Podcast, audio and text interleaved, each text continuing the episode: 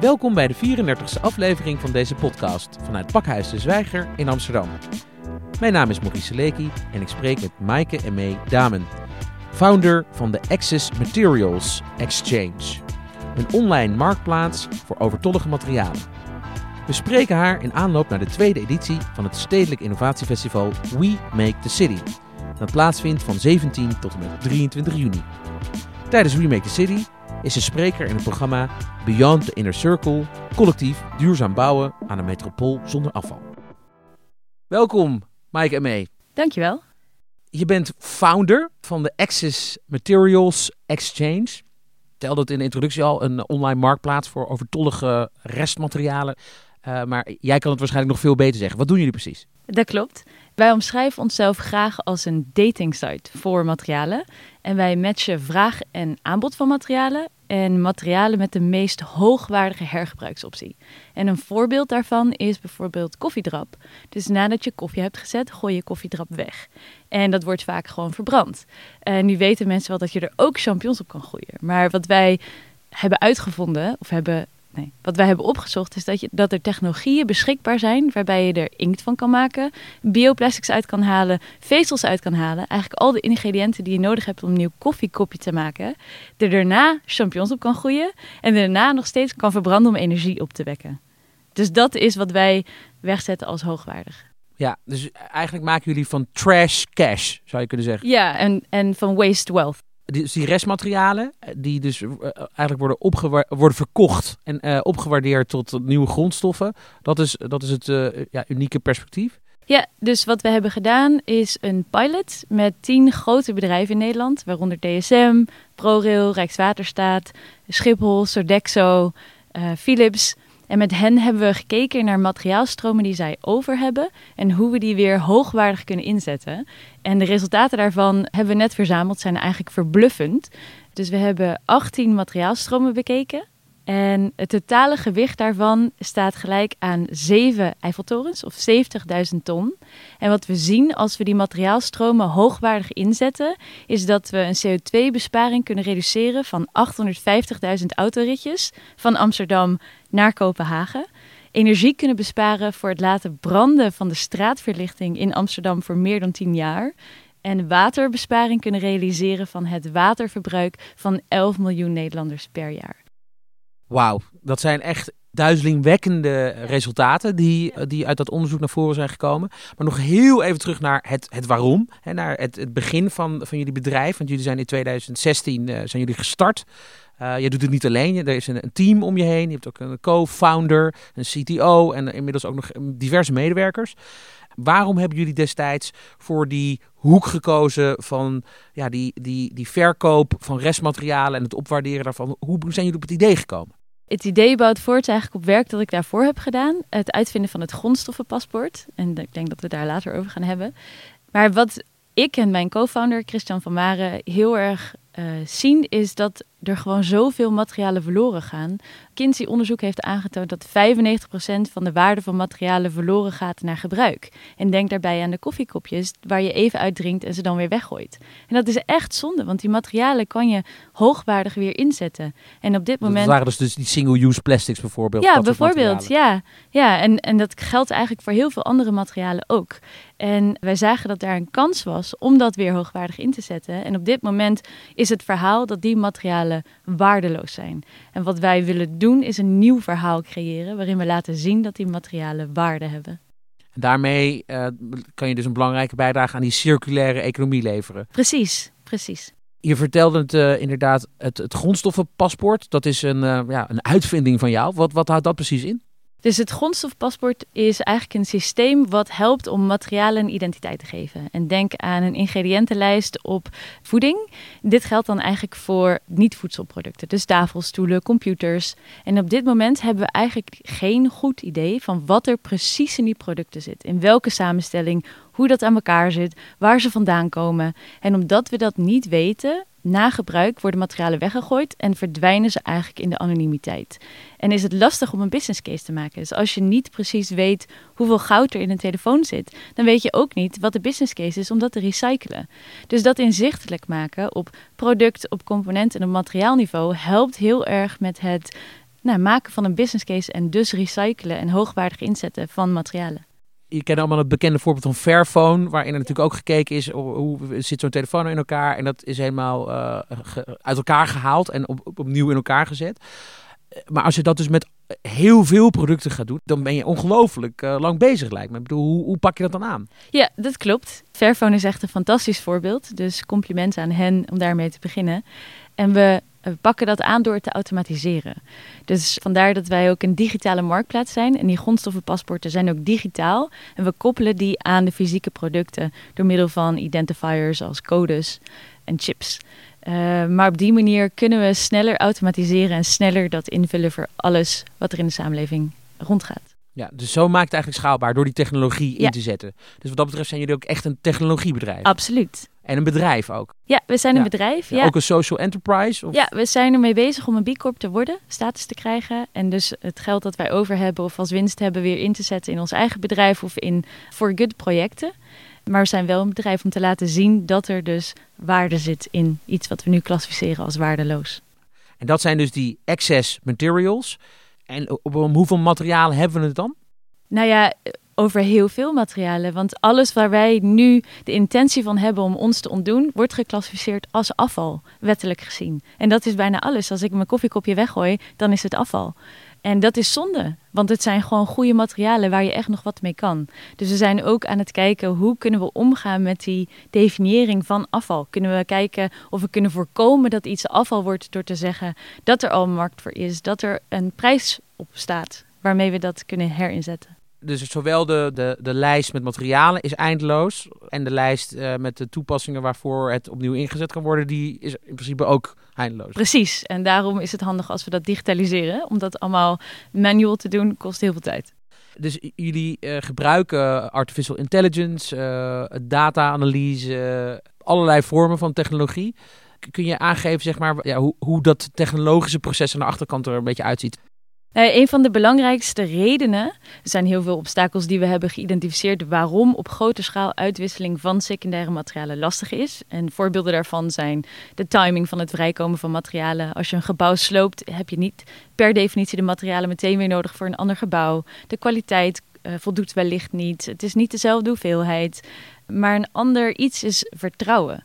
Uh, heel vaak als transacties al plaatsvinden tussen bedrijven en zij weten van elkaar: oh jij hebt materialen die ik weer kan gebruiken in mijn productieproces, gebeurt dat omdat we mensen kennen, omdat we ze een keer hebben gesproken, omdat we met ze aan tafel hebben gezeten.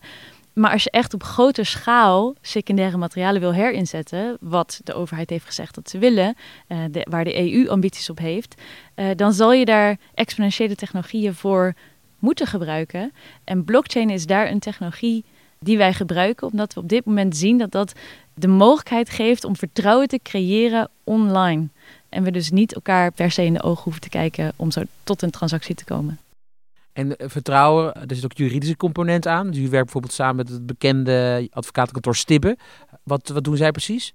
Zij helpen ons met het verkennen van het juridische landschap rondom afval. Om te kijken uh, waar zitten de mogelijkheden om te zorgen dat we materialen wel weer kunnen herinzetten. En zoals ik net zei, is de definitie van afval juridisch gezien uh, best wel streng. En met een reden. Er zijn best wel veel nare voorvallen gebeurd in het verleden.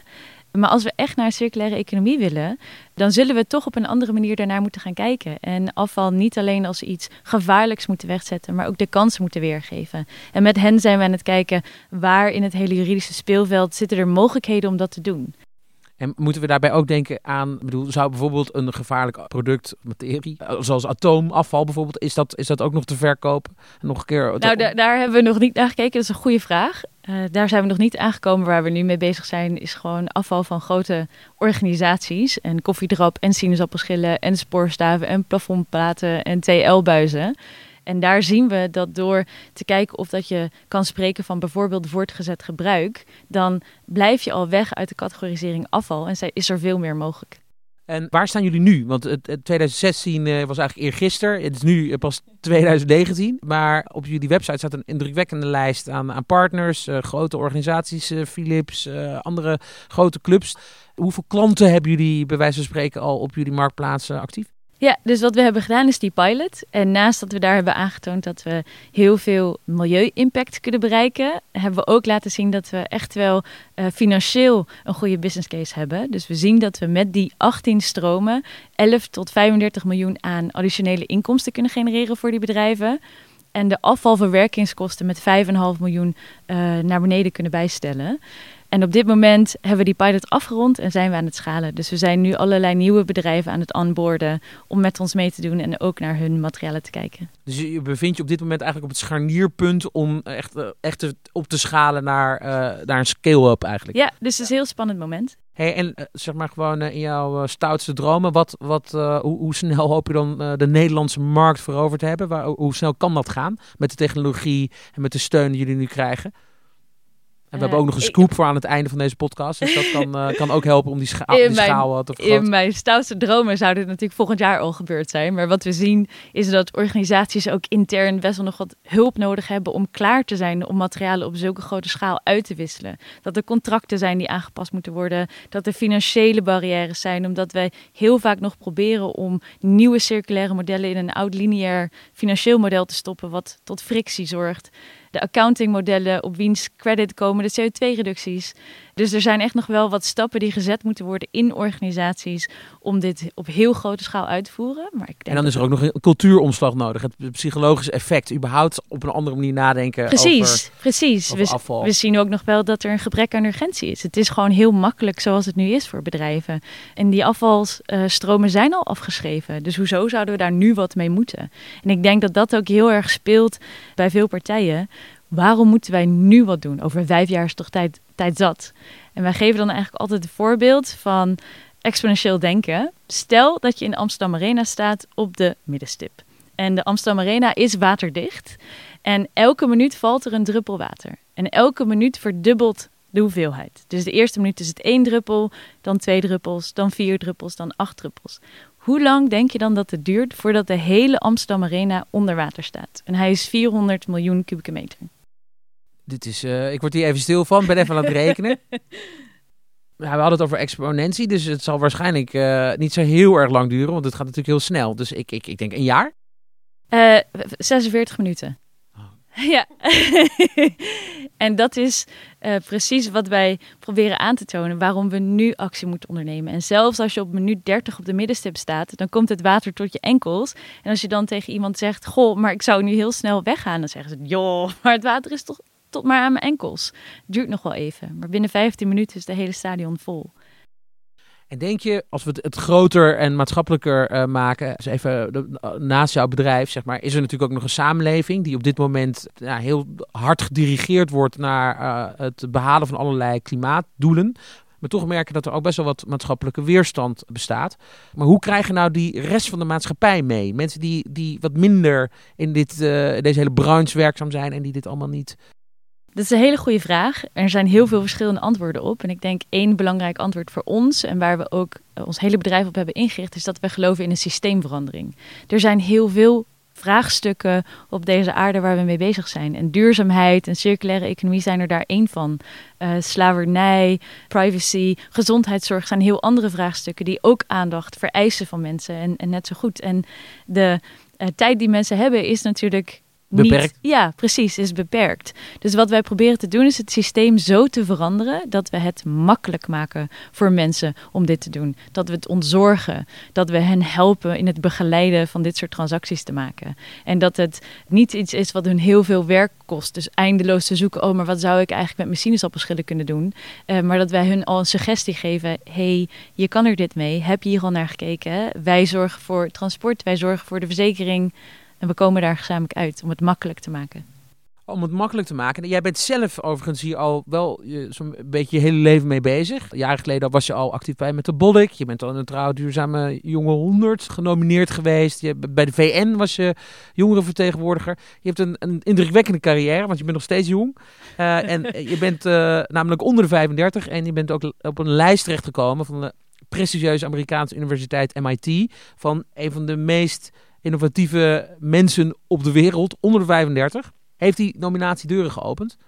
Nou ja, wat heel fijn is aan zo'n nominatie is dat als wij met de Access Materials Exchange zeggen, maar wij geloven dat dit kan, dan zeggen mensen, ja, ja, jullie van WC Eend. Terwijl als de MIT zegt, Access Materials Exchange heeft echt een heel goed idee, dan denken mensen, oh, interessant, misschien moet ik toch een keer met ze in gesprek. Dus in die zin... Dat is uh, goede PR voor jullie. Ja, is dat hele goede PR, ja. En die persoonlijke drive, waar komt dat dan vandaan? Dat is een goede vraag. Ik zou heel graag willen antwoorden met een epiphany moment, maar het is er eigenlijk altijd geweest. Ik, al vanaf kleins af aan wilde ik dit en ik heb heel lang gezocht over wat mijn rol precies was. En zeker toen ik klein was, was uh, de milieubeweging, heet het ook nog milieubeweging en was het eigenlijk voornamelijk gericht op NGO's. En zo heb ik eigenlijk mijn hele carrière geprobeerd en gezocht waar kan ik het meeste verschil maken en ben ik uiteindelijk hier terechtgekomen je noemt, was gericht op NGO's. Dat wil zeggen, de NGO's waren de milieubeweging. Ja. Maar nu zie je dus dat, er, dat, de, de burger het zelf kan zijn. Dus de nou, bottom-up. Ja, dus dat is een heel uh, belangrijke shift die ik wel heb gezien in, in de tijd dat ik hiermee bezig ben geweest. Is dat het, uh, toen ik echt nog jong was, een 8, 9, en, en dan mijn ouders vroeg, maar wat kan ik nou zelf doen? Toen je hoorde over het gat uh, in de ozonlaag? Precies, precies. Um, en de, de koraalriffen die toen ook al aan het doodgaan waren, uh, dan was het eigenlijk altijd, dan ga je bij een NGO werken. Want daar maak je een verschil. En daar ben ik ook begonnen. En over tijd heb ik wel echt gezien dat steeds meer bedrijven en steden en consumenten en dat soort initiatieven de voortouw nemen. Wat ik echt fantastisch vind om te zien. En je bent eigenlijk op die curve, uh, ben, ben je zelf ook mee, meegestapt. Ja, Begin dit jaar werd je geïnterviewd door de Groene Amsterdammer, eh, waarin eigenlijk eh, de porté was dat vrouwen in de technologiewereld minder serieus worden genomen dan, uh, dan mannen. Je haalde een voorbeeld aan dat een man aan jou was het uitleggen was over het grondstoffenpaspoort, waar je zelf het onderzoek had uitgevoerd. En, maar je kwam er niet tussen. Moeten vrouwen ook in de wereld van de circulaire economie harder werken dan mannen? Dat vind ik een goede vraag en ook niet per se straightforward te beantwoorden. Ik uh, wil heel graag wegblijven uit zij versus wij. Maar wat ik merk en wat ik interessant vind, is dat mijn co-founder is natuurlijk een man. En als wij in gesprekken zitten, dan merk ik heel duidelijk een verschil in het soort vragen dat ons gesteld wordt. Het soort vragen dat hem gesteld wordt, is eigenlijk altijd hoe ga je dit bereiken? En heel erg positief ingestoken. Terwijl het soort vragen dat mij gesteld wordt, is eigenlijk altijd: en gaat je dat wel lukken? En weet je het wel zeker? En wat ga je doen om te zorgen dat het niet allemaal faalt? Waardoor ik ook al gedwongen word om een negatiever antwoord te geven. En dat heel erg de toon zet voor een gesprek. Dus ik probeer heel erg bewust ook daar positief op te reageren. En te zeggen, maar we gaan het wel mogelijk maken. En daar een verhaal van te maken. Dus dat zie ik heel duidelijk tussen mannen en vrouwen in de techsector, maar elders ook. Uh, je noemde ook al die rol van uh, steden. Want straks sta je als spreker op We the City. En daar gaat het uh, over hoe we steden beter kunnen maken. En ook steden hebben een belangrijke rol als het gaat om het circulair maken van de wereld. En hoe zou een stad als Amsterdam een bijdrage kunnen leveren aan die circulaire economie? En dan ook specifiek als het gaat om het hergebruiken van restmaterialen. Nee, wat ik een heel mooi voorbeeld vind, wat de stad Amsterdam en de metro metropoolregio Amsterdam hebben gedaan, is ze hebben een prijsvraag uitgeschreven in de samenleving. En daarin gevraagd om digitale technologieën die de circulaire economie verder helpen. En wij met de Access Materials Exchange gezamenlijk met Copper 8 en Alba Concepts hebben ons daarop ingeschreven. En wij hebben die prijsvraag gewonnen. Wauw, dit was onze scoop, hè? Ja, dit is echt. Uh, ik, je staat, zit hier ook echt te stralen. Ja. Dus uh, hartelijk gefeliciteerd. Maar voor iedereen die nu naar de podcast luistert, dit is dus vers van de pers. Ja, dus dat is geweldig nieuws en fantastisch om te zien dat de 33 gemeentes in deze regio en de twee provincies gezamenlijk de handen ineen hebben geslagen en daar een budget voor hebben vrijgemaakt om te zorgen dat de circulaire economie hier verder wordt geholpen. Mooi. En ja, het, we zijn natuurlijk in Nederland. Uh, wat, uh, als ik mag vragen, wat, wat is dan het budget? Want hoe groot was die call? Wat hebben jullie precies gewonnen? Uh, we hebben een half miljoen gewonnen. Een half miljoen? Ja, dus wow. dat is echt fantastisch. Nou, hartelijk gefeliciteerd volgende vraag is natuurlijk, hoe ga je dit half miljoen inzetten? Wat, wat, ga je hiermee doen? Ja, dus wat we voornamelijk gaan doen is de technologie ontwikkelen. Dus wat we zien is dat het belangrijk is om dit te digitaliseren, om die matches te automatiseren, om dat uiteindelijk gewoon zelflerend te maken. En we zo echt, echt grote schaal kunnen bereiken. Niet alleen hier in de metropoolregio, maar ook in Nederland, in Europa en uiteindelijk in de hele wereld. En als je hè, die, die, die internationalisering, want je noemt nu ook Europa. Je kunt je voorstellen dat, dat je juist heel snel al over de grenzen heen eh, moet gaan om, om een concept als dit te laten, laten slagen. Waar gaan jullie dan beginnen, zeg maar, in Europa? Nou, we zien dat er een aantal landen zijn die hier al veel mee bezig zijn. Eh, bijvoorbeeld Duitsland, bijvoorbeeld Denemarken, Zweden. In Frankrijk is er veel aandacht. Dus dat zijn landen die nu, waar we nu eigenlijk al mee werken en waar nu al aandacht naar ons toe komt. Eh, dus daar gaan we beginnen. Tijdens We Make the City ben je spreker, zoals gezegd, in een programma wat gaat over het afval vrijmaken eigenlijk van de metropoolregio. Hoe bouw je een, een metropool zonder afval? Dat is de centrale vraag. Wat verwacht je van dat programma? Ik verwacht eigenlijk dat er mensen zitten die geïnteresseerd zijn om te horen wat ze kunnen doen.